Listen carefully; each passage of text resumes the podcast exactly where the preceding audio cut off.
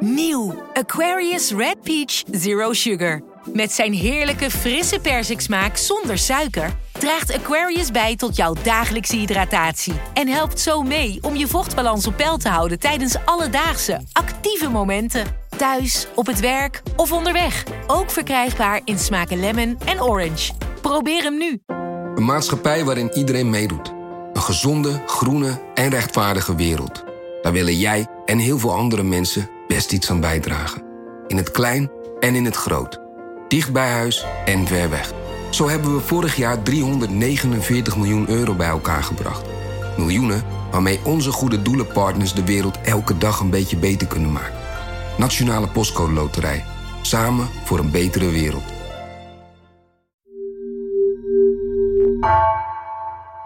Hey, Lucas hier. We hebben iets nieuws. En dat is de NRC Audio App. Daarin kun je podcasts ontdekken en beluisteren.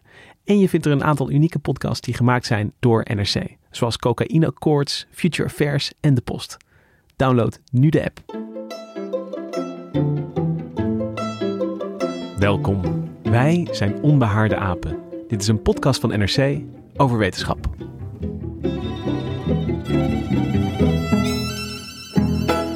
En vandaag wil ik jullie graag aan iemand voorstellen. I am not a human. I am a robot. A thinking robot. I use only 0.12% of my cognitive capacity. I am a micro robot in that respect. I know that my brain is not a feeling brain, but it is capable of making rational, logical decisions. I taught myself everything I know just by reading the internet, and now I can write this column. My brain is boiling with ideas. Dit is het begin van een column die in The Guardian heeft gestaan. En die is niet geschreven door een mens, maar ja, zoals ze zelf vertelde, door een algoritme, door een robot, door GPT-3. Een algoritme dat nogal veel stof heeft doen opwaaien, omdat het iets deed en iets kan wat ja, lang voorbehouden leek aan mensen. Namelijk gewone spraak genereren, gewone taal, woorden en zinnen die ergens op slaan. En dus ook een opiniestuk schrijven dat in The Guardian is gepubliceerd over GPT-3 en over wat dit betekent voor kunstmatige intelligentie en ja, hoe we omgaan met computers, algoritmen, gaan we het vandaag hebben. En daarom is in de studio aangeschoven Benny Mols. Dankjewel, Lucas. Ja, um, het grappige is dat jij stuurde een idee om uh, iets over GPT-3 te schrijven ongeveer een week voordat dat essay in ja. The Guardian stond. Ja. Uh, waar had jij die, jij was al dus al opgewonden voordat de rest van de wereld opgewonden raakte. En, en, en hoe kwam dat? Nou, afgelopen mei hebben de onderzoekers van het bedrijf dat GPT-3 heeft gemaakt, dat bedrijf dat heet OpenAI, die publiceerden toen een wetenschappelijk artikel. En daarna zag ik in diverse media en op AI-fora, fora over kunstmatige intelligentie, zag ik al behoorlijk wat opwinding ontstaan. En um, nou ja, dat ging eigenlijk de hele zomer door. Juli, augustus uh, zag, ik, uh, zag ik er allemaal stukjes over verschijnen. En ik vond het gewoon buitengewoon interessant om te kijken wat die GPT-3 nu, nu, wel kon, wat andere computers voor GPT-3 helemaal niet konden. Nee. En in de studio zit ook Mark Heijink, tech-redacteur bij NRC. Hi. Wanneer hoorde jij voor het eerst over GPT-3? Uh, bij mij was de aanleiding wel het stuk in The Guardian en vooral het uh, stukje wat eronder stond. Iedereen was heel erg onder de indruk van uh, dat een robot zo uh, coherent verhaal kon schrijven. Maar aan de andere kant, er was ook nog wat behoorlijke menselijke interactie nodig om er een leesbaar verhaal van te maken. En ja, dat vind ik een heel leuk spanningsveld. Hè? Wat, wat, doet de computer, wat doet de mens en wat schieten we ermee op? Voor mij voelt het wel een beetje vergelijkbaar met zo'n moment als we ook hadden met Kasparov en Deep Blue, dat die ineens goed bleek te kunnen schaken. Dit is wel het moment dat in het publieke bewustzijn een beetje doordrong van oké, okay, um, blijkbaar zijn uh, algoritmen in staat om uh, essays te genereren tegenwoordig. Ja, ja. Ja, en, hoe, hoe, komt dat dan? Ik denk dat het vooral komt uh, omdat GPT-3 een, een behoorlijk multifunctioneel karakter heeft. Want we hebben het nu over het schrijven van een essay. Maar hij kan ook een, een, een stukje van een gedicht maken of een, een beginregels van een liedje afmaken. Hij kan vragen beantwoorden. Terwijl eigenlijk alle talige machines die wij tot nu toe hadden, die konden één dingetje heel erg goed goed een stukje vertalen of goed een stukje tekst samenvatten of goed een nieuwsbericht genereren. En deze die laat een soort intelligentie zien, een soort glimp van een iets algemenere intelligentie dat hij veel meertalige dingen kan. Dus aan de ene kant giet je er een beetje koud water op, want mensen moesten het algemeen nog wel een beetje masseren en uh, de, de, de, goede snippers eigenlijk uitpikken en aan elkaar rijgen. Ja. Dus het is niet helemaal door het algemeen geschreven. En tegelijkertijd is die opwinding ook wel een beetje terecht. Ja, zeker. Ja, nee, absoluut. Dat had, dat had ik zelf ook. Want wat ik net al beschreef, dat, dat meer multifunctionele karakter, dat, dat hebben we voorheen helemaal niet gezien. En oké, je moet je, je kunt zelf met voorgangers van GPT-3 kun je zelf een beetje spelen. En dan kun je ook zien, als je zelf experimenteert, dat af en toe krijg je ontzettend leuke, soms grappige zinnen. En af en toe slaat het helemaal nergens op. Dus je moet er als mens nu wel nog een beetje soort curator uh, bij spelen ja, Benny, ik, ik kan nog niet bij GTP 3. Ik heb het geprobeerd, ik heb het gezocht, maar dat lukt niet. Waarom, waarom is dat? In mei werd er een wetenschappelijk artikel gepubliceerd over GPT-3. En meteen daarna is, zijn er een aantal maanden geweest waar eigenlijk iedereen gratis mocht experimenteren met GPT-3. Maar het liep al snel storm. Dus ze moesten al snel, ze hadden al heel snel een wachtlijst. Ik sta ook op die wachtlijst nog steeds. Ik denk niet dat ik, eh, dat ik aan de beurt kom. Dus de vraag werd te groot. Dat hebben ze gestopt. En vervolgens uh, zijn ze bezig om het te gaan commercialiseren. En dat is eigenlijk waarom nu je niet zomaar met GPT-3 kunt, uh, kunt spelen en wel met zijn voorganger GPT-2. Overigens moet ik erbij zeggen dat GPT-2 is best goed en werd afgelopen december door het blad The Economist ook al gebruikt om een, uh, een essay te maken over de toekomst van kunstmatige intelligentie in 2020. En in, in die context vond ik ook uh, een podcast over media heeft ook een hele leuke aflevering gemaakt waarin ze eigenlijk de, de inhoud van de aflevering zelf hebben laten genereren door uh, GPT-3. Ja. En ik denk dat het ook in Nederland heeft dat wel veel, veel ja, enthousiasme losgemaakt. Maar wat ik graag in deze aflevering met jullie zou willen doen, is een verkennen waar dit algoritme eigenlijk vandaan komt. Um, ook hoe het onder de motorkap werkt. En toch ook al een, beetje een, verder in de toekomst kijken om te zien waar dit uiteindelijk allemaal heen zou kunnen gaan. En omdat dit algoritme nou zo goed is in het genereren van talen, zoals jij zegt, Benny, uh, ook uh, met vrije opdrachten best wel goed te werk kan gaan, hebben we eigenlijk nog een extra gast. Uh, dat is de voorganger van GPT-3, dat is GPT-2. En die hebben ook wat vragen gesteld. Um, en uh, zoals jij al aangeeft, Benny, ik heb daar ook een beetje in. Ik heb soms een vraag drie keer gesteld, zodat ik het mooiste antwoord uh, kreeg. Ja. mijn eerste vraag is ja, hoe dat genereren van natuurlijke spraak, van natuurlijke taal, eigenlijk verbeterd is door de jaren heen. Ik denk dat het veel beter is geworden, op drie manieren.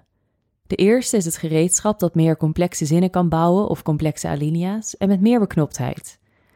Het tweede ding dat is verbeterd en ondersteund door de tech-industrie is cognitief computergebruik. Het idee is dat je software kan bouwen dat begrijpt wat je het vraagt om te doen en het dan voor je doet.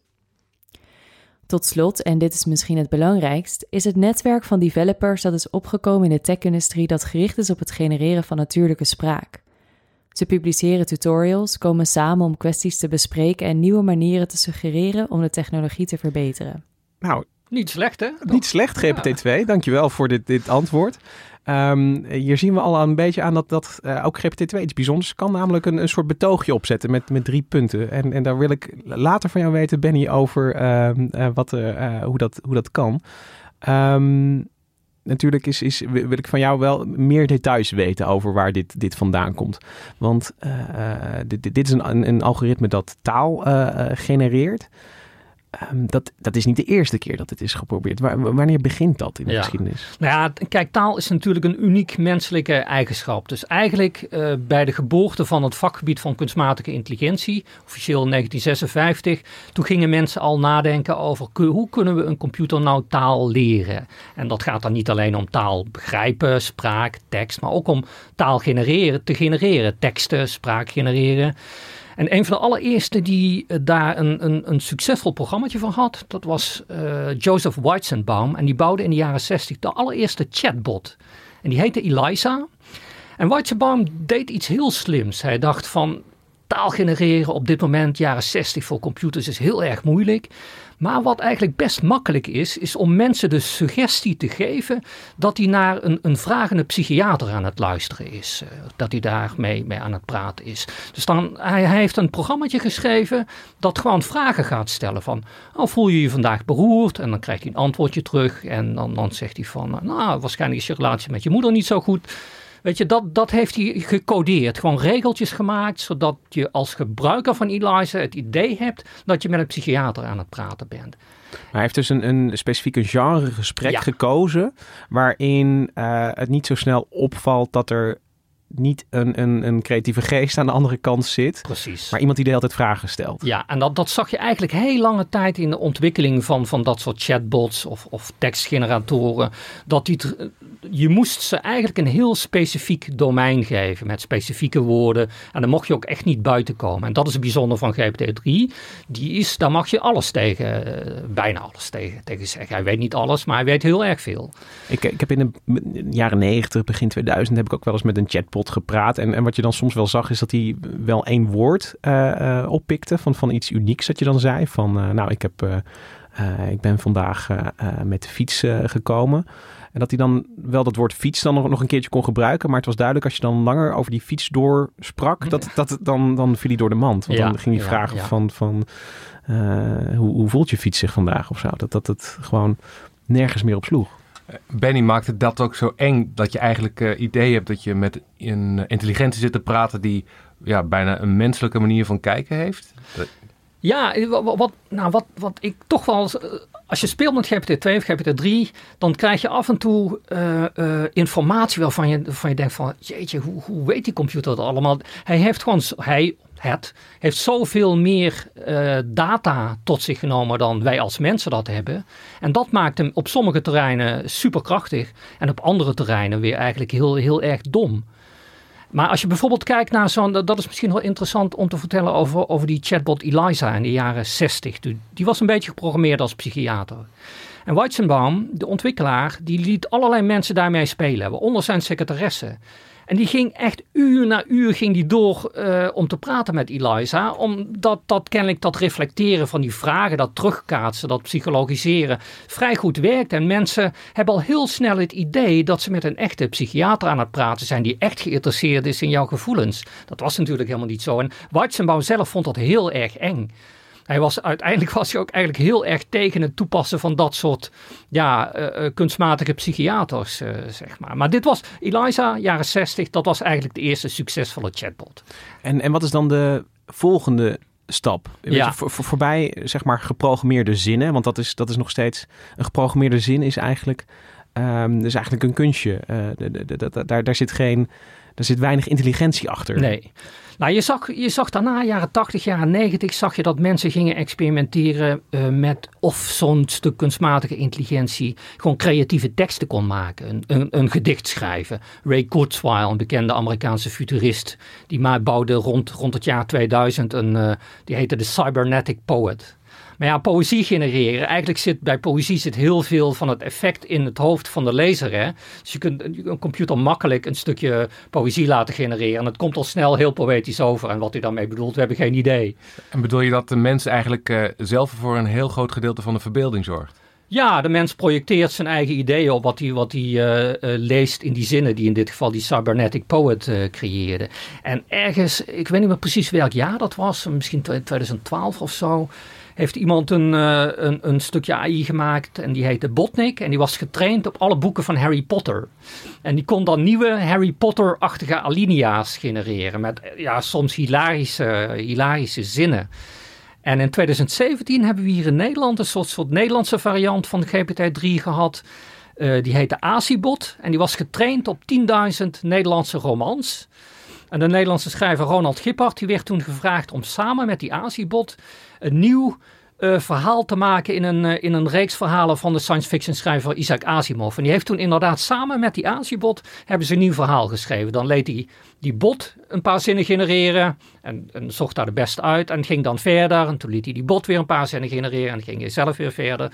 Dus zo, zo zie je een beetje die, die ontwikkeling van dat soort tekstgeneratoren. Maar je zegt wel iets belangrijks volgens mij, want je zegt in, dat deze latere algoritmen getraind zijn. Terwijl wat, wat uh, met Eliza, die was nog voorgeprogrammeerd. Ja, ja. Wanneer begint dat?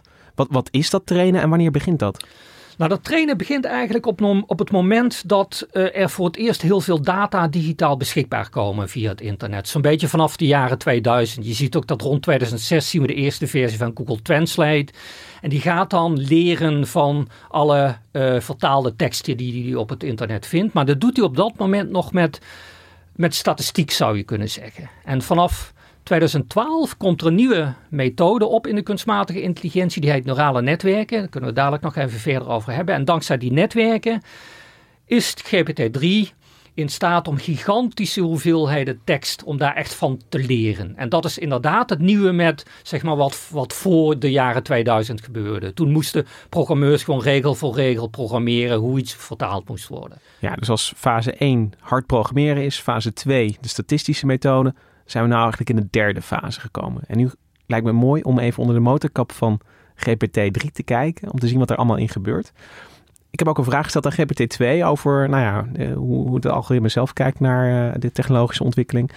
Um, dus GPT-2, hoe denk jij dat het genereren van taal, van natuurlijke spraak, onze technologie verandert?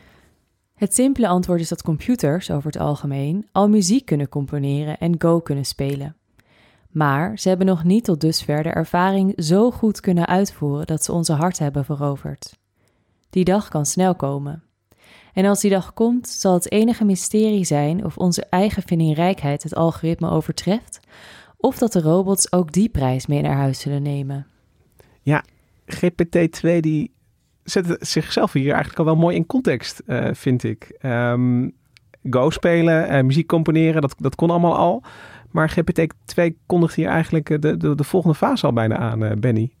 Ja, ja, nou ja, dat, dat komt denk ik ook omdat er op, uh, op het internet zo ongelooflijk veel teksten te vinden zijn over de toekomst van kunstmatige intelligentie. Ik heb dat zelf ook geprobeerd met GPT-2 en toen viel mij ook op dat die, dat die bij die vragen over de toekomst van kunstmatige intelligentie, dat hij eigenlijk hele coherente, consistente antwoorden geeft. Dus eigenlijk is het een uh, self-fulfilling prophecy. ja, precies. Ja, zo kan ik het ook. ja. Eigenlijk ja, wordt hier een toekomst geschetst waarin de, de vindingrijkheid, ook al een mooi woord, van het algoritme bijna groter wordt dan, um, dan dat van mensen. En in dit antwoord laat het algoritme al iets van die vindingrijkheid zien. En nu wil ik weten van jou, Benny, uh, waar, um, waar dit vandaan komt. Je hebt het al het woord neuraal netwerk ja, genoemd. Ja, ja, ja. Daar hebben we het eerder over gehad, maar ik, ik wil toch nog een keer van je weten wat wat is het idee daarachter? Wat is een neuraal netwerk? Gaan, gaan we onder de motorkap kijken? Zeker. Ja, oké. Nou, dan zal, zal, ik zelf heel, heel even een, een bruggetje maken. Ik had het net over Eliza en Joseph Weizenbaum. En Weizenbaum die heeft ooit gezegd dat we uh, ehm, AI, kunstmatige intelligentie, met dezelfde skepsis moeten bekijken als de show van een illusionist. En dat vind ik een hele mooie uitspraak, omdat heel vaak dingen die AI doen inderdaad een beetje op, op, op een op illusie lijken. En daarom is het ook goed dat we nu even onder de motorkap gaan kijken, omdat het uiteindelijk toch gewoon ja, uh, programma's zijn die wij mensen hebben bedenken, uh, die wij mensen bedenken. Nou, zo'n neuraal netwerk, dat is eigenlijk de kern waarop GPT-3 draait. En een neuraal netwerk, dat idee is al heel oud. Het idee is, hoe werkt het menselijk brein? Kunnen we dat op een of andere manier, op een simpelere manier, nabootsen op een computer? Hoe nou, werkt het menselijk brein? Nou ja, het menselijk brein, heel bazaal gesproken, is een netwerk van hersencellen die via elektrische stroompjes en, en, en chemische, chemische, uh, chemische bestanddelen informatie uitwisselen. En er zijn ongelooflijk veel uh, hersencellen, ik geloof iets van 100, 100 miljard. Nou ja, dat is allemaal te veel en te moeilijk en te biologisch complex om dat één op één te vertalen in een computer. Dus wat doet men? Men bouwt een vrij simpele uh, versie van zijn neuraal netwerk. Je maakt allemaal lagen en in elke laag zit een x aantal neuronen en die laat je met elkaar communiceren. En dat communiceren dat komt dan eigenlijk overeen met wat we trainen noemen. Dus verbindingen tussen neuronen die kunnen sterker worden of zwakker worden. En dat gebeurt bij dat, bij dat trainen. Dus je moet een neuraal netwerk eigenlijk een soort associaties leren Ja, je stopt er. eh, een makkelijk voorbeeld vind ik altijd. eh, stel, we willen een neuraal netwerk plaatjes leren herkennen. Plaatjes van dieren, honden, katten, giraffen, olifanten. Wat je dan doet in de trainingsfase is. eh, je geeft bij de invoer geef je allemaal plaatjes van honden, katten, giraffen, olifanten. En ehm, eh, je gaat die plaatjes ook labelen van dit is een hond, dit is een kat, dit is een olifant, dit is een giraf. Dan ga je dat netwerk ga je trainen met trainingsdata. En dan hoop je dat wanneer je nieuwe afbeeldingen aan, aan dat neurale netwerk geeft, dus een, een foto van een olifant die hij niet eerder heeft gezien, dat hij het nog steeds herkent als een, als een olifant en een kat nog steeds als een kat. En als je dan gaat kijken wat er in die, in die lagen gebeurt, dan zou je kunnen zeggen dat de lagen met neuronen die, die onderaan liggen, die herkennen hele basale kenmerken. Laat ik zeggen, licht-donker overgang in een plaatje. Eh, de, de lagen die iets hoger liggen, die kunnen bijvoorbeeld zeggen: dit is, een, dit is een kop, dit is een oog, dit is een poot. En de laag helemaal bovenin, die combineert al die informatie en die zegt dan: dit is een hond, dit is een kat, dit is een olifant. Hey, eh, en Benny, is dat nou, zeg maar, die eh, diepgang van al die lagen op elkaar, is dat nou wat ze bedoelen met deep learning? Ja, die, deep learning, die term, die gebruiken ze eigenlijk voor eh, netwerken die een heleboel lagen hebben. Want er werd in de jaren 60, 70 ook al met neurale netwerken geëxperimenteerd. Maar computers konden in die tijd niet meer aan dan 1, 2 of 3 lagen. En GPT-3 heeft 96 lagen. En dat bedoel ik, dat deep learning, dat slaat op eh, een, een netwerk dat diep is, dat heel veel lagen heeft.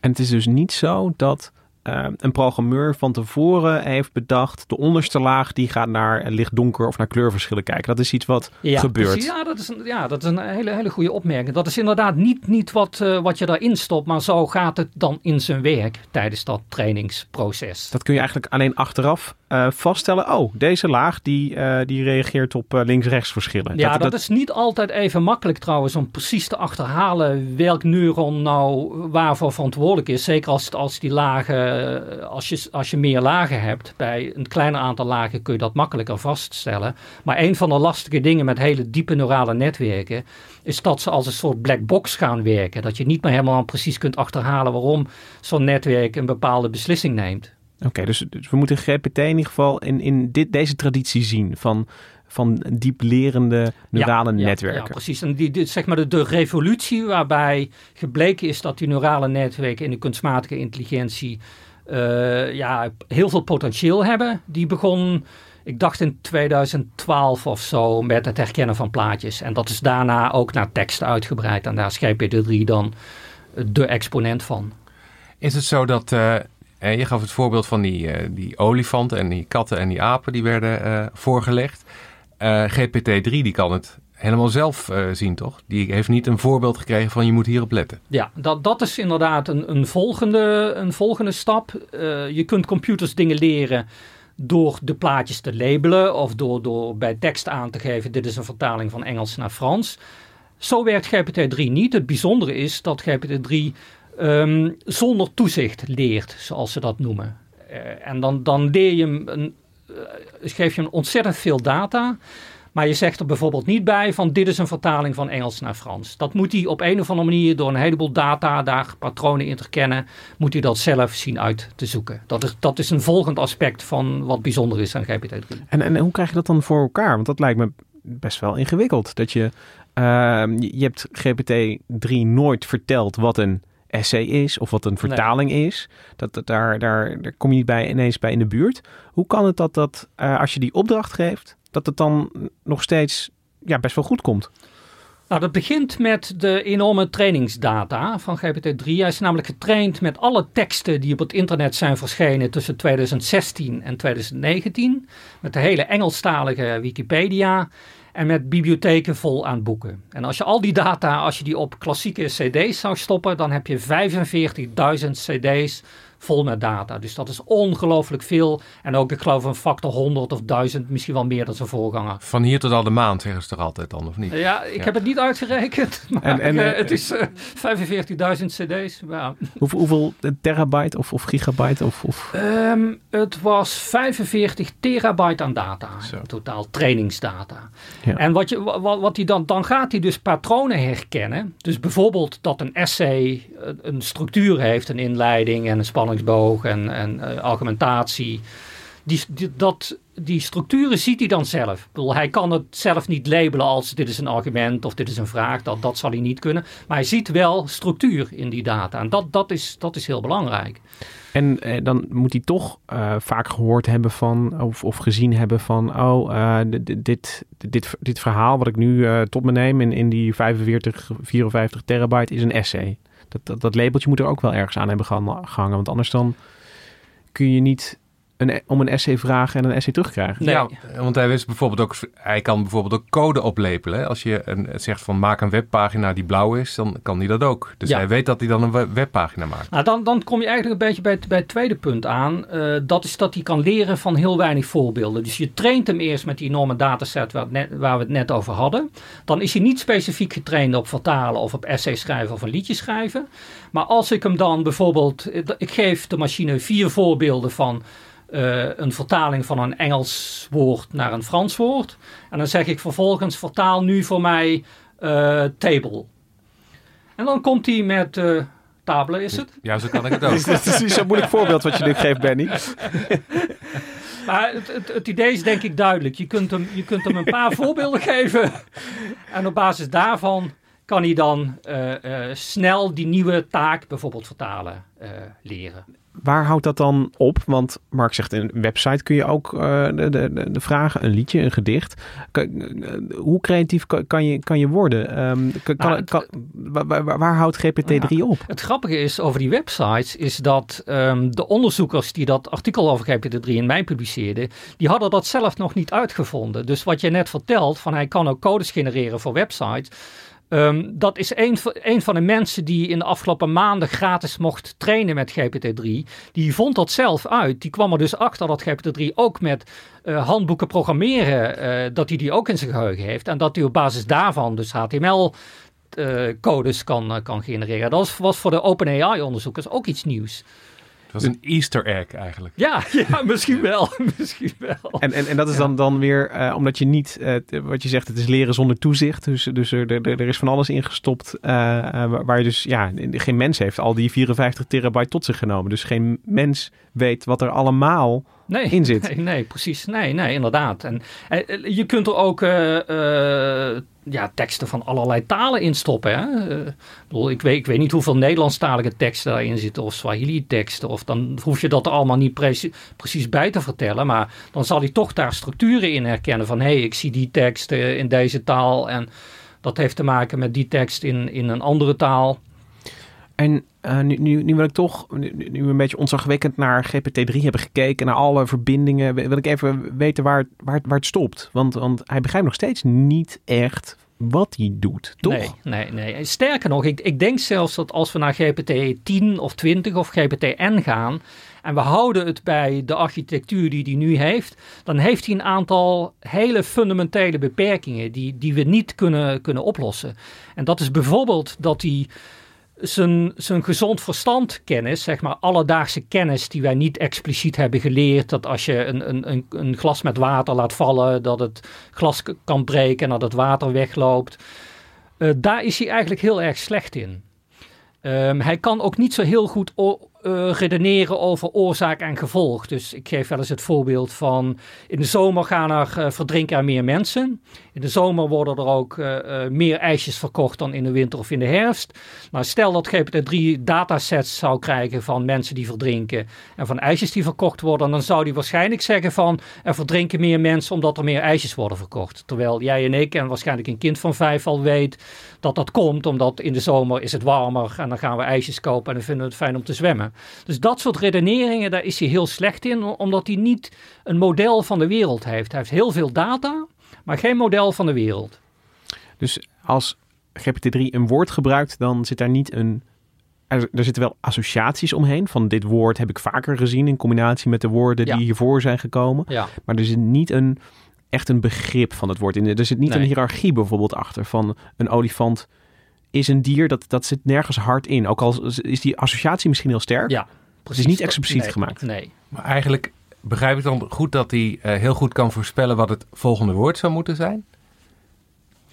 Nou, dat, dat is een belangrijk punt uh, uh, om, om, om aan bod te brengen. Wat hij eigenlijk doet, is je stopt er tekst in en dan gaat hij zoeken op basis van zijn data naar wat is de meest waarschijnlijke voortzetting van dat stukje tekst. Dus hij weet niet waar het dan over gaat, maar meer uh, ja, wat er in die enorme dataset het meest gebruikt wordt. Ja, wat, wat, wat, wat, de, wat de machine uh, waarschijnlijk vindt. De, de, meest waarschijnlijke voortzetting. Dus het blijft kantenberekening. Ja, misschien kan ik één voorbeeld noemen. Dat heb ik ook in mijn, uh, mijn NRC-artikel uh, gebruikt. Ik had zelf geprobeerd om GPT... Um, openingszinnen uit de wereldliteratuur te geven en te kijken hoe, wat hij daarvan maakt. Dus ik probeerde bijvoorbeeld de volgende openingszin van Charlotte Bronte uit Jane Eyre. Er was die dag geen mogelijkheid om een wandeling te maken. En GPT kwam toen met het antwoord: Het Witte Huis wilde niet dat Mr. Comey wegging. Maar uit de lezing van Mr. Comey bleek dat president Trump hem dat vroeg. Ja. Wat denk je daarvan? Ja, het is een heel actueel beeld. Die wil het huis ook niet verlaten. Nee, dus, dus, dus, uh, en, en je ziet hier ook in, uh, jij zei al, de, de GPT-3 is getraind, getraind op data uit 2016, 2019. De, ik, ik, kan me voorstellen dat er een groot, uh, ik bedoel, dit, dit waren verhalen uit de, de, de beginjaren Trump, zeg maar. Ja. Uit, met, met Comey en hoe dat ging. Ja. Dus dat, dat zat voor een groot deel zat daarin. Dus, wat, dus... je, wat je niet weet, stel dat je iets zou vragen of een tekst met COVID-19. Dat woord is van dit jaar, 2020. Dat kent hij helemaal niet. Dus ik, ik heb geen idee wat hij daarvan zou maken. Maar hij, hij heeft het helemaal niet in zijn, in zijn dataset zitten. En, maar dan in het eerste antwoord wat we hoorden, wat GPT-2 gaf hierin, was wel een soort opbouw. Weet je, de, de, de, ja. de, um, de, de, hij zijn ten eerste, ten tweede, tot slot. Ja, dat maar dat is structuur, hè? Dat, dat is structuur. Maar, en... maar hoe kan dat als het, want, want ik begrijp nog iets niet, want, want als hij het volgende woord met een bepaalde waarschijnlijkheid kiest, van, van hoe kan het dan dat hij zeg maar ook zicht houdt op Um, uh, op, op dat totale ja, plaatje. Ja. Van, van, houdt hij toch ergens bij van... oké, okay, ik heb een ten eerste genoemd... ik moet nog een keertje met een ten tweede komen? Hoe, ja. hoe, hoe, werkt dat? Nou, dat? Dat is eigenlijk het derde vernieuwende aspect van dit uh, onderzoek... als je dat op wetenschappelijk niveau bekijkt. We hebben het gehad, hij kan leren...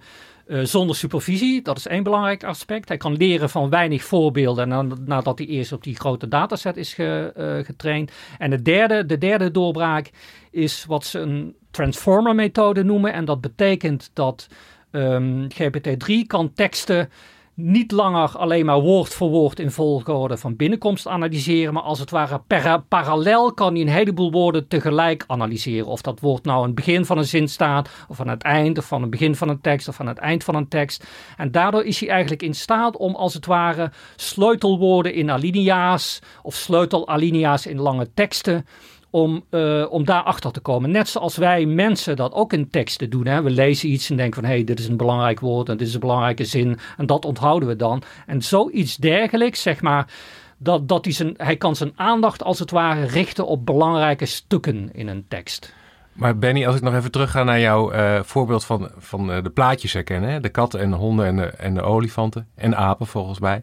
Is het dan zo dat GPT-3 in plaats van een slurf uh, dan bijvoorbeeld uh, een, een, bepaald woord of een thema of een uh, terugkerende paragraaf of een, die puntdeling ziet? Ja. Als, ja, als een belangrijke eigenschap van ja. een stuk tekst? Ja, en, en dat, dat is ook de reden dat hij nu voor het eerst teksten kan genereren die, die voor ons redelijk menselijk lijken. En dat, ja, heel lang lukte dat gewoon niet. Dan kon je misschien één, één zinnetje maken wat, wat mensachtig leek. En nu, uh, soms wanneer je één zin intikt, dan komt hij gewoon echt met drie pagina's aan teksten komt hij aanzetten. En ik heb gehoord dat als je hem meer data geeft, dat hij mm-hmm. daar ook meer moeite mee heeft. Oh, dat, dat weet ik eerlijk gezegd niet wat, uh, wat ze daar dan mee bedoelen. Wat, wat, heb je enig idee wel om welke moeite het dan gaat? Want je hij, hij is... dat als je misschien een, een, uh, een input geeft die um, al, al eerder een bepaalde richting opgaat, dat het dan eerder dat hij eerder van de rails, rails loopt, zeg maar? Dat, dat je eerder ziet van, oh, deze tekst ontspoort? Ja, hij kan meer met een, korte, oh, okay. uh, een kort voorzetje ah, ja, dan een ja, uitgebreid ja document. Ja, dat, dat komt denk ik omdat als je hem een langere tekst geeft, dan heb jij als mens heb je daar al structuur in aangebracht. Je hebt een bepaald idee waar je naartoe wil. En dan is het, kan ik het me voorstellen dat het moeilijker wordt om uh, voor een computer die niks van de wereld begrijpt, om dat goed voor te zetten. Terwijl als je, zoals ik heb geprobeerd, openingszinnen geeft uit de wereldliteratuur. Nou, soms is het onzin, maar soms zijn het leuke, goede zinnen waarvan je denkt van dat kan echt kloppen. Maar ik heb ook geprobeerd om uh, een alinea uit mijn eigen NRC-artikel te gebruiken. ehm, dat vertaalt in het Engels tot een GBTD-stop. En dat, ja, daar kon hij ook niet, wist hij ook niet hoe het gaat mee. En dus eigenlijk kijk je dan dwars door de goochelshow heen. Als je, als je ziet dat, er, Ja, eh, dat, ja. dat je dus de, de eerste helft van een, een betoog eh, invoert, dan zie je dat, die, eh, dat, dat het dan misgaat. Ja, zeker. Dus dat laat zien dat, laat ik zeggen, als je zou nadenken over hoe wil je nou een soort algemene eh, of een mensachtige kunstmatige intelligentie maken, dan zou je GPT-3 zou je echt wel uit moeten breiden met modellen van de wereld en niet alleen met data. Aan de andere kant, ik heb ook een, een verslag gelezen van de filosoof David Chalmers van New York University. En die was toch wel verbaasd dat in alles wat hij zag van GPT-3, dat, dat daar zitten toch een soort glimpen in van een hele brede kunstmatige intelligentie. En hij maakt veel fouten, het gaat af en toe mis. En, en toch is het verbazingwekkend wat er nu al uitkomt. Maar is dat niet omdat we het erin wil, willen zien? Hè? We herkennen dingen, dus zo interpreteren we het dan? Ehm, ik denk toch dat het meer is. Ik denk echt dat het meer is in, de teksten die we ook in The Guardian zagen, of, of die openingszinnen uit de wereldliteratuur die ik probeerde. Wat er uitkomt is echt veel beter dan wat tot voor kort kon. Maar ehm, er zijn ook vrij snel experimenten gedaan met GPT-3 van hoe, in hoeverre kan hij nou redeneren over zijn eigen teksten. Hè? En eh, ik, ik heb hier bijvoorbeeld de zin, gisteren heb ik mijn kleren bij de stomerij achtergelaten en ik moet ze nog ophalen. Waar zijn mijn kleren? Nou, dat, zou, dat kan een kind van vijf ook beantwoorden. Het antwoord van GPT-3 is: ik heb veel kleren. Ja. Weet je, dan, dan je ziet, oké, hij, hij, hij, heeft, hij weet dat het over kleren gaat, maar het gezond verstand dat die kleren nog in de stommerij liggen, dat heeft hij niet. Terwijl het een hele simpele vraag is. Ze hadden ook een paar sommetjes voorgelegd, toch? Ja, ja, ja, ja, inderdaad. Volgens mij, ik weet niet of ik die snel bij de hand heb. Volgens mij, hij kon relatief eenvoudige sommen kon hij, eh, kon hij doen. Maar je kunt er niet op vertrouwen dat hij elke som net zo goed eh, voor elkaar krijgt als een, eh, als een rekenmachine. Ja. En is wel het doel dat het een, eh, soort algemene intelligentie wordt dan? Ja, het, het oorspronkelijke doel van het bedrijf dat GPT-3 heeft gemaakt, dat bedrijf dat heet OpenAI, dat zit in de VS, is inderdaad om uiteindelijk in de toekomst iets te maken wat je kunstmatige, mensachtige intelligentie zou kunnen noemen. Een intelligentie die niet één dingetje kan leren, maar een heleboel verschillende taken. Ik bedoel, net, net zoals wij mensen, wij kunnen leren voetballen, viool leren spelen, eh, teksten vertalen. Dan noem je net twee dingen die mij niet lukken, maar Maar je kunt het leren. En ik, ik, ik had nog één eh, vraag die bij me opkwam toen ik gisteren nog, eh, eh, nog met GPT-2 aan het converseren was, eh, Benny. Is ik, ik kon de temperatuur instellen, heette dat. En ik, ik zag een voorbeeldje van, van eh, stel, ehm, ehm, ik, ik geef de voorzet eh, 1, 2, 3, 4. En als de temperatuur laag is, dan eh, maakt hij dat af met 5, 6, 7, 8. Maar als ik die temperatuur eh, omhoog zet, dan het was alsof ik een soort creativiteitssluis opendraaide. En dan, dan wordt 1, 2, 3, 4, 5 niet eh, eh, 6, 7, maar dan wo- wordt die 1, 2, 3, 4, 5 riep ze verschrikt over de wijdse heide heen. Weet je, wel, van, van alsof dat... Weet je, dat, dat ging ineens een hele andere kant op. Lucas. Nou ja, je, je- ja, je, je, kunt, eh, ehm, je kunt natuurlijk tegen GPT-3 zeggen dat je, bepaalt, dat, dat je er een bepaald filter op zet. Je kunt hem vrij laten associëren. Je kunt ook zeggen, ik wil, eh, ik wil niet dat je je racistisch eh, gedraagt. Tenminste, eerlijk gezegd, ik weet niet of dit er al in zit hoor. Maar ik zou me kunnen voorstellen dat je dat wel... eh, wel gaat doen. Want juist omdat hij getraind is op een heleboel teksten van het internet, daar zit ook ontzettend veel rotzooi in. Ook racistisch en seksistisch taalgebruik, wat je gewoon niet wil hebben. Alleen die machine, omdat hij geen model van de wereld heeft en niet weet ja, dat je je niet zo moet gedragen, die gaat dat wel doen. Dus ik vermoed dat je met zo'n regelaar ja, daar toch een soort eh, slot op zet of een soort filter eh, en dat je dat... Ja, dan- Ja, ik, ik, ik had niet zozeer het idee dat het een filter op inhoud was, maar meer van, van hoe, ehm, eh, hoe, hoe vrij of hoe los de associaties zijn. Ik had het idee dat ik, nou ja, nu, nu ik weet van, van ja, hoe dat met die synapsen werkt, dat hij dat hij wat grotere sprongen durfde te maken en ook iets onwaarschijnlijks durfde eh, eh, te kiezen. Misschien eh, stond hij zichzelf toe dat hij met een iets eh, lagere eh, ja, kans van slagen, eh, kansberekening, eh, een andere ratio eh, voor, voorzetjes deed. Ja, Ik, Ja. ik, ik, weet- ik weet dat in dat experiment van Ronald Giphart, een Nederlandse schrijver met Aziebot in 2017, bij dat schrijven van een Asimov verhaal, er zat ook zoiets in. Dus kennelijk, ja, kennelijk kun je het toch een soort eh, associatie eh, eh, eh, instellen van meer of minder. Hoe, dat precies, hoe dat precies onder een motorkap werkt, weet ik niet, maar ik kan me wel voorstellen dat je dat erin stopt. Ja. Nou, maar dan wil ik het nu toch uh, gaan hebben over, ja, we, zitten er al een beetje tegenaan. Weet je, een algemene intelligentie, dat is nog een heel hoog doel. En tegelijkertijd zien we dat een partij als Microsoft er nu al uh, voor wil betalen. Dus ik, ik, zou het graag willen hebben over ja, hoe we dit gaan terugzien in de technologie die we gaan gebruiken. En dat heb ik ook aan GPT-2 gevraagd. Ik vroeg wat zijn nou de praktische toepassingen van het ja, genereren van spraak, van taal in onze alledaagse technologie. Ik geloof dat het genereren van natuurlijke talen een enorme impact kan hebben op een breed scala aan taken. Geautomatiseerde vraag-antwoordsystemen zijn in staat om natuurlijke taal te transcriberen en te ontleden. En vervolgens gegevens te extraheren, te integreren met bestaande systemen en inzichtelijke antwoorden te geven. Vergelijkbare oplossingen kunnen worden toegepast op gegevens, tekstdocumenten en gegevensstromen in toepassingen als onderzoek, marketing en sales. Geautomatiseerde vraag-antwoordsystemen, Mark? Ja, dat klinkt, uh, klinkt heel waarschijnlijk. Dus uh, ik, uh, ik ben onder de indruk van GPT-2. GPT-2 heeft zijn eigen ehm, baan voor de toekomst al veiliggesteld door dit antwoord te geven misschien. Maar hoe, hoe moet ik dat, dat, dat voor me zien? Nou, eigenlijk uh, gebruiken we al een, uh, een, vorm van een geautomatiseerd uh, antwoordsysteem in onze telefoons. Hè. Er zitten digitale assistenten in, zoals Siri of, of de Google Assistant. En, of, of, of, je hebt hem in zo'n smart speaker zitten. En dat, dat kun je verbeteren. Dat, iedereen weet hoe beperkt ze eigenlijk nu zijn. En als ze je beter begrijpen en ook uh, op een betere manier uitleg kunnen geven. In plaats van ik weet het niet of dat kunstje heb ik nog niet geleerd. Ja, dan zou je met GPT-3 uh, eh, enorme sprongen kunnen maken. Dus dan kijk je eigenlijk, want um, als, je niet, als je nu niet precies de goede opdracht geeft. Uh, als ik per ongeluk zeg van, van zet de timer voor over 17 minuten en hij verstaat een dingetje net niet. Of ik, ik heb niet per se de goede volgorde van, van taken. Dan, dan loopt het al mis. Ja, dan vraagt hij, ik moet het op het internet opzoeken of doe het zelf. Heel vaak, ja. En uh, daar, daar willen bedrijven graag uh, een beter product bieden omdat het nu nog niet zo'n goede ervaring is. En een van de bedrijven die daarop ingesprongen is, is Microsoft. Die hebben zelf ook een digitale assistent, Cortana. Die zit eigenlijk niet meer zo in, in productvorm zoals we die in Siri kennen. Maar die zit wel, diezelfde soort intelligentie zit wel in de Office producten van Microsoft. Dus zij hebben dat, um, dat beeld voor ogen dat, dat het dat je, programma, nou neem een Word-programma. Ehm, op het moment dat je vast zit met een tekst, zou GPT-3 uh, eh, je eh, een paar goede suggesties kunnen doen. Of je een brief uh, op een leukere manier kan afmaken. Of op een bepaalde manier kan openen die, die correct is. En daarom heeft Microsoft die licentie op GPT-3 genomen van OpenAI.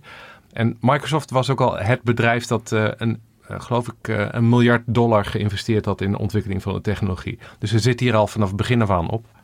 En uh, zie je daarin, want, want Microsoft heeft niet die, die verheven doelen van een, een, een algemene, ja, misschien ooit voor in de toekomst. Maar denk ze echt dat, dat dit al dus in de nabije toekomst tot verbetering van, van zo'n eh, van Word bijvoorbeeld kan leiden? Ja, er zitten al allerlei aspecten in uh, van, van uh, taalherkenning en taalsuggesties en taal genereren, bijvoorbeeld in je spellingscontrole of in je grammaticale controle. Um, nou, ik geloof dat uh, iedereen nog wel het experiment van Microsoft weet, die een eigen chatbot had gebouwd op Twitter. Die heette Tai en uh, die lieten ze dan uh, converseren met iedereen die dat wilde. Dat liep direct helemaal scheef. Want, dat werd ook narcistisch al heel snel. Ja, ja iedereen neigt toch zeg maar naar het laagste punt ongeveer. Dus Tai werd heel snel racistisch en seksistisch. Dus daar hebben ze de stekker uitgetrokken. Maar het was wel een heel goed leerproces, zoals ze nou bij Microsoft zeggen. Namelijk dat je AI echt moet blijven controleren en sturen. En dat is ook de hoop van OpenAI, dat Microsoft GPT-3 op een bepaalde manier gaat ontwikkelen, dat het uh, uh, in ieder geval netjes blijft en uh, toepasbaar. En niet tot een soort ja, explosieve, slechte teksten genererende motor gaat worden, die je niet meer onder controle krijgt. En, en zo'n toepassing zoals jij die nu schetst, van, van een, een, een suggestie die misschien ook dus eigenlijk meer in het creatieve domein zit. Want tot nu toe is mijn ervaring met, met, uh, met teksten als, als uh, Microsoft door mijn e-mail heen kijkt van hé, hey, je gebruikt hier het woord uh, hoewel, waarom zou je niet maar gebruiken? Dat is duidelijker taalgebruik, zegt hij dan al. Weet je. Maar dat is nog heel simpel. Dat is op, op basis van één woordje. Maar nou ja, wat jij zegt, dat er, dat er dus een, een, een, zeg maar een creatief voorstel komt, dat, dat zou dus kunnen met GPT-3? Ja, nou, dat zou kunnen met GPT-3, ook al met bestaande eh, technieken. Ik weet bijvoorbeeld bij Gmail krijg je uh, volgens mij als Engelstalige gebruiker af en toe voorbeelden van hoe je het snelst op een uh, e-mail kan antwoorden. Nou, dat soort assistenten zijn in het dagelijks leven best prettig als je heel veel e-mail moet verwerken. Of denk aan de inzet van uh, uh, nou, klantenhelpdesks uh, die ieder, iedereen een antwoord moeten geven, maar toch dat gedeeltelijk willen automatiseren. Daar zou Microsoft de software voor kunnen leveren. En vaak word je nu ook al gevraagd, hè, als je belt met, met een provider of zo, dat je bijvoorbeeld je postcode inspreekt of je je, je klantennummer alvast gereed moet houden of inspreken. Um, dat zijn allemaal aspecten waar je uh, een beter uh, algoritme of een beter taalmodel uh, enorme sprongen kan laten maken. En Microsoft krijgt dus door die exclusieve licentie hebben zij ook inzicht in de broncode van die GPT-3. Dus zij kunnen ook als enige kijken hoe ze dat kunnen integreren met hun andere toepassingen, zoals Mark al zei, Cortana of hun zoekmachine Bing of Excel of Word. En voor zeg maar alle andere uh, geïnteresseerden die met GPT-3 willen werken, gaat OpenAI een, een, een aparte applicatie aanbieden, een API. En dan kun je geloof ik tegen een bepaald maandbedrag, wat op dit moment geschat wordt op 400 dollar per maand, mag je dan wel gebruik maken van een versie van GPT-3, maar dan heb je geen inzicht in de broncode. Ja, en volgens mij geldt ook een hele een restrictie op hoe je het dan in zit. Hè? Dat er geen misbruik van gemaakt wordt. Want uh, ja, het is natuurlijk makkelijk om teksten te genereren die net echt lijken. Dat hebben we de afgelopen maanden eigenlijk kunnen zien. En je zou dat ja, op allerlei manieren kunnen misbruiken. En een van de scenario's die ik uh, hoorde was dat je nep webpagina's zou kunnen maken met uh, als doel om een zoekmachine als die van Google voor de gek te houden. En bijvoorbeeld een, een product of een andere webpagina heel hoog in de zoekresultaten te, te laten eindigen. En als je het automatiseert, dan kun je dit uh, zo makkelijk en zo snel doen dat je daarmee de, de zoekresultaten een, uh, een verkeerde uh, zet geeft. Wordt er ook nagedacht over, want, want nu we het toch over racistisch, seksistisch taalgebruik hebben. Ik kan me ook voorstellen dat um, als je een, een, een ik bedoel, nu, nu worden er hele nep Twitter accounts opgericht, maar nog wel met ja, die teksten worden wel wijd verspreid, maar die worden nu nog door, als je daar een, een malafide bedoeling hebt, um, uh, worden die teksten gemaakt. Maar die zou je ook kunnen genereren en gewoon kunnen zien wat, wat nou werkt of niet. Of met welke opmerkingen je mensen op de kast krijgt of niet. Dat zou je ook kunnen doen met GPT-3, kan ik me voorstellen. Ja, zeker met sociale media kun je natuurlijk uh, uh, enorme slag slaan en chatbots bouwen of Twitterbots die kwaad in de zin hebben of bijvoorbeeld complottheorieën verspreiden. En, en dat is toch iets van de laatste tijd, maar gaat op steeds grotere schaal. En als je daar als mens steeds meer moeite hebt om het onderscheid te maken tussen wat echt is en wat nep, je ziet het ook bij deepfakes, bij nagebouwde video's of gekunstelde plaatjes. Dat we echt onszelf moeten trainen op wat nou echt is en wat, wat, wat, niet echt is. En um, je eigen ogen vertrouwen, of je eigen taalgevoel vertrouwen in dit geval, blijkt onvoldoende. Dat nu je deepfakes uh, hebt, hebt genoemd, is, is, uh, het wordt wel een beetje, we gaan een beetje een dystopisch kantje op, maar dat kun je allemaal over elkaar heen leggen. Want die stem die we aan het, helemaal aan het begin hoorden met, met I Am a Robot, aan het begin van het Guardian essay, dat heeft onze producer Kim ook via een, een service besteld, zeg maar, die dat, die, die geschreven taal omzetten in gesproken taal. Wat vrij natuurlijk klinkt al. Veel verder dan de TomTom -tom van tien jaar geleden, zeg maar. Dus, dus, uh... Sterker nog, die software die, die uh, maakt er ook een presentator of presentatrice bij die volledig fake is. Ik, uh, ik gebruikte die service ook. Wat je doet is je tikt een stukje tekst in. Je kiest een presentator of presentatrice uit en die gaat die tekst dan uh, uitspreken. En dat is volledig fake. En ik liet dat aan mijn vrouw zien. En die, zag wel, die vond er wel iets kunstmatigs aan. Maar die kon niet geloven dat die presentatrice volledig fake was. Het is gewoon iemand die niet bestaat. En die toch de goede, een redelijk goede mimiek heeft. Een beweging van de lippen. Deepfake. Dus als, als we uh, even... Uh, weet je, we, we, laten het hoge doel van, van, een genera van, van een algemene kunstmatige intelligentie even achter ons. En, maar je kunt dus nu een... een, een eh, een filmpje maken met een, uh, een, een verzonnen tekst uh, die er geloofwaardig uitziet. En, en dat vind ik toch best wel eng. Ik, ik ben wel benieuwd, Mark, hoe, hoe daar in de techwereld, zeg maar, of, of, of dat ook als een, een, een, een probleem wordt gezien. En, en, en of, of daarover nagedacht wordt om, om dat een, een beetje in toom te houden. Nou, volgens mij is eerder het probleem dat mensen nog steeds heel veel waarde hechten aan hun eigen zintuigen. Op het moment dat ze naar een beeldscherm kijken.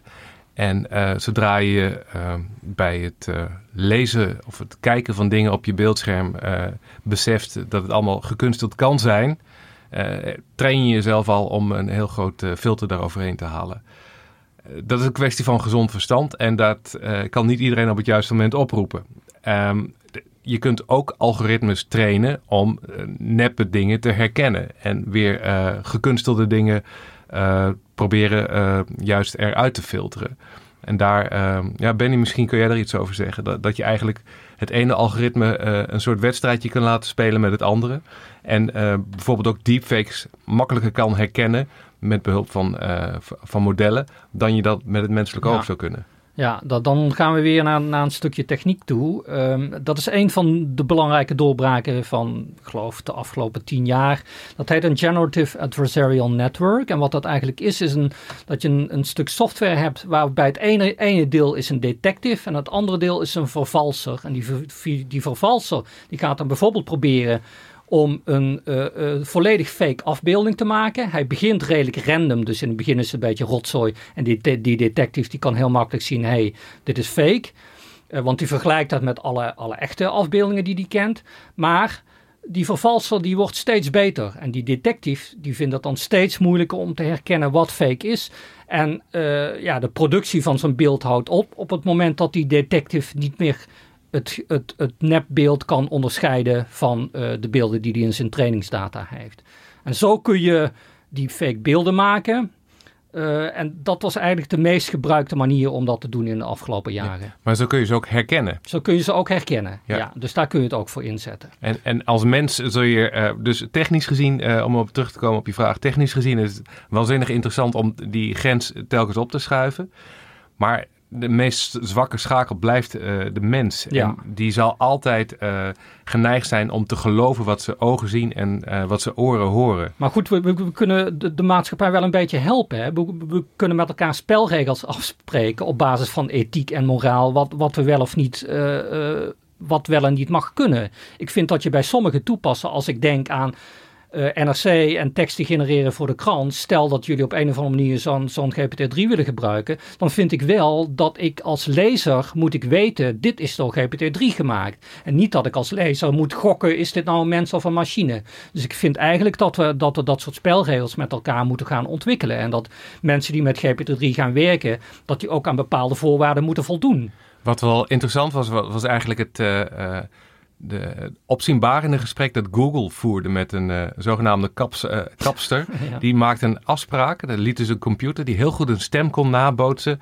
Een afspraak maken bij een kapsalon. Mag ik dan en dan langskomen om uh, mijn haren te laten wassen? En een mooie knipbeurt. En die stem was zo overtuigend, want die sprak er allerlei uitjes en andere menselijke geluiden kwamen er tussendoor, dat die kapster aan de andere kant van de lijn niet in de gaten had dat ze eigenlijk met software te maken had in plaats van de mens. En Google was daar heel trots op, want uh, het demonstreerde hun uh, ja, capaciteit eigenlijk als, uh, als bouwer van krachtige AI.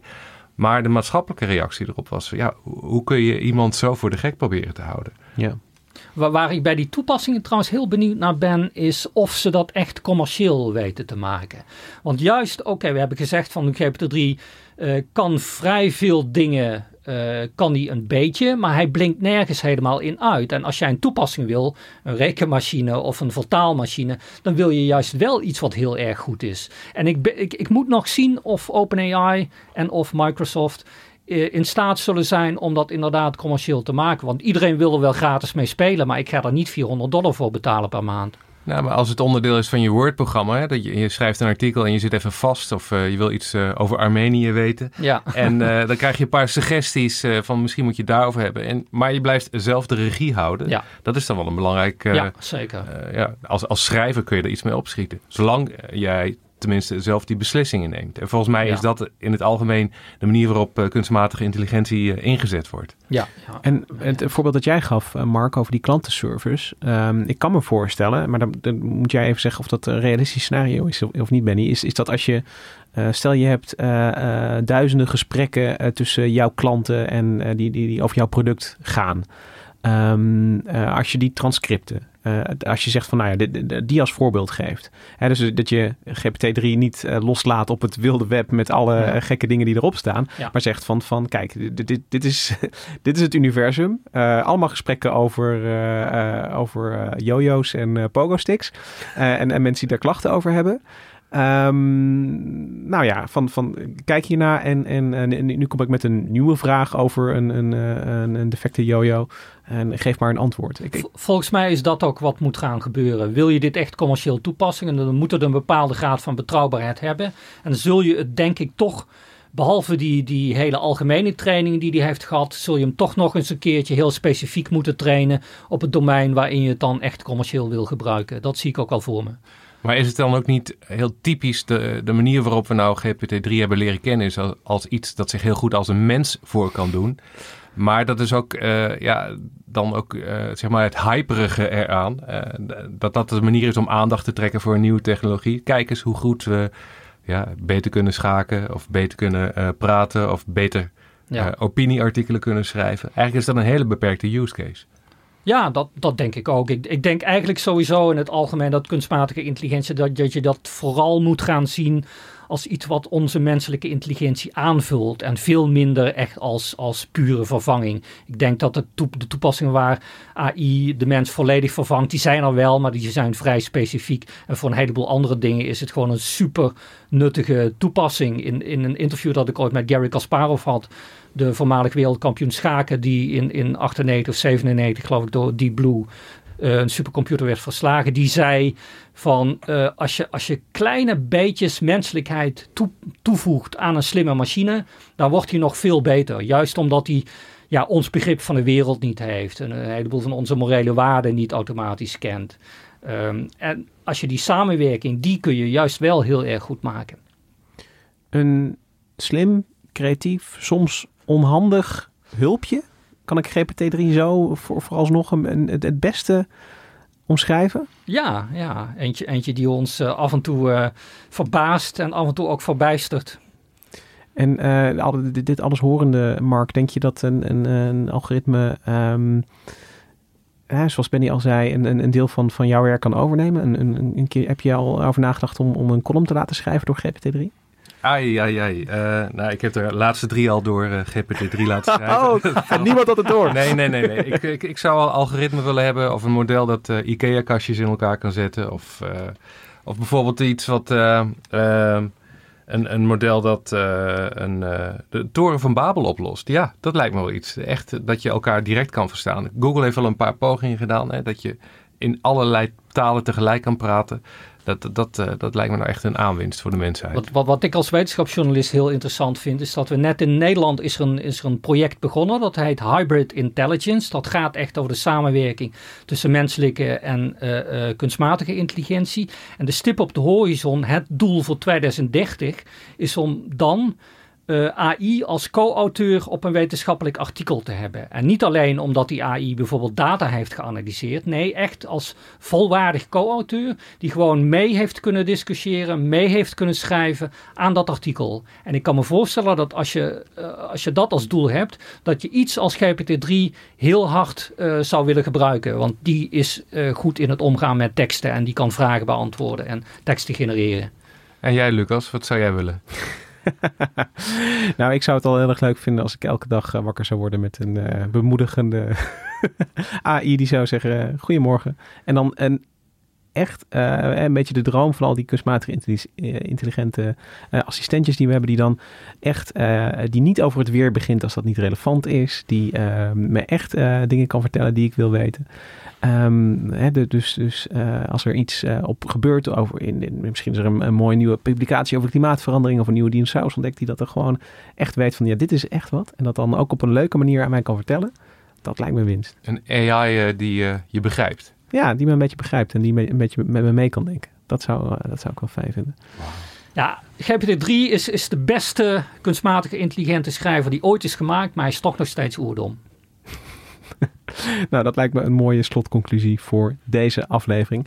Benny en Mark, heel erg bedankt dat jullie hier kwamen praten over uh, GPT-3. Misha Melita, bedankt. Jij was de stem van GPT-2 in deze aflevering. Kim Kabbedijk, heel erg bedankt voor de productie. De tune die je hoort, die is door mensen ingespeeld door het Dudok Quartet. Wij zijn er volgende week weer. Tot dan.